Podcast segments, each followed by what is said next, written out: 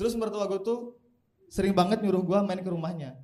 Mungkin karena gue tuh nikah muda, jadi dia tuh belum bener-bener ngelepas anaknya gitu. Karena setelah nikah gue tuh langsung misah rumah dari mertua gitu. Dan karena itu sering banget telepon. Gue lagi nyantai di rumah ditelepon. Wan, sini main ke rumah mama. Lagi main ditelepon. Bahkan gue pernah lagi futsal. Udah di lapang nih, dan nelpon. Wan, ke sini ke rumah. Gak bisa mah, di dalam mau futsal. Tapi mama sendiri Wan. Tapi Don udah di lapang futsal mah udah udah mau mulai. Tapi mama nggak punya teman Wan. Yaudah mama aja yang ke sini ke lapang futsal ini kurang kiper satu, mama aja yang jadi kiper. Oke bentar mama pinjam dulu sepatunya. daek, daek, ternyata anjing. Gokil, mertua aing pandesar.